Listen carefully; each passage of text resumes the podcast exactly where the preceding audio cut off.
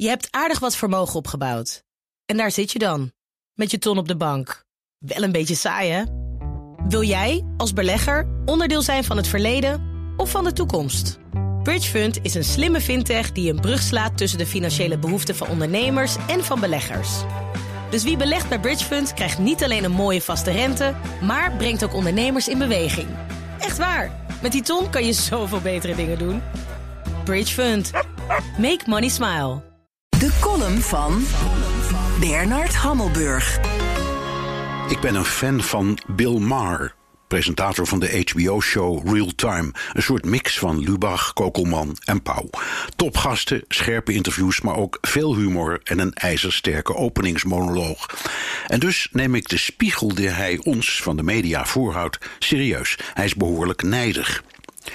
De wijze waarop de media met de coronacrisis omgaan vergelijkt hij met sambal smeren op een chilipeper. Uiteraard richt hij zijn pijlen vooral op de Amerikaanse pers, ook kwaliteitskranten als de New York Times en de Washington Post met vette koppen vol drama. Het dagelijkse tromgeroffel van depressie en rampspoed verwordt tot paniekporno, zegt hij. Vertel me hoeveel mensen hun baan verliezen en ik maak zelf uit hoe erg ik dat vind. En deze oproep: behandel me als volwassene.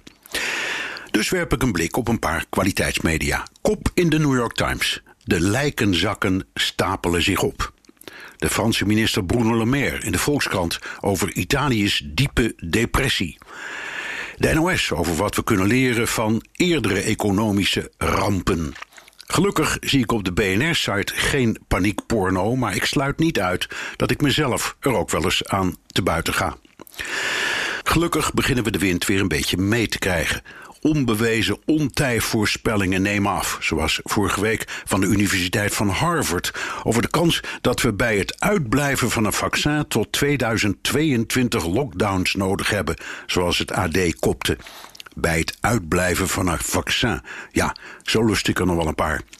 Dat soort paniekporno begint plaats te maken voor broodnodige informatie over de wijze waarop het ene na het andere land de maatschappij en dus de economie heropent.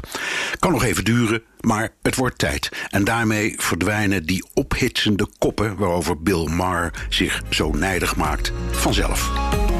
Columnist Bernard Hammelburg. Terugluisteren? Ga naar bnr.nl of de BNR-app. En daar vindt u ook alle podcasts. Je hebt aardig wat vermogen opgebouwd. En daar zit je dan, met je ton op de bank. Wel een beetje saai, hè? Wil jij, als belegger, onderdeel zijn van het verleden of van de toekomst?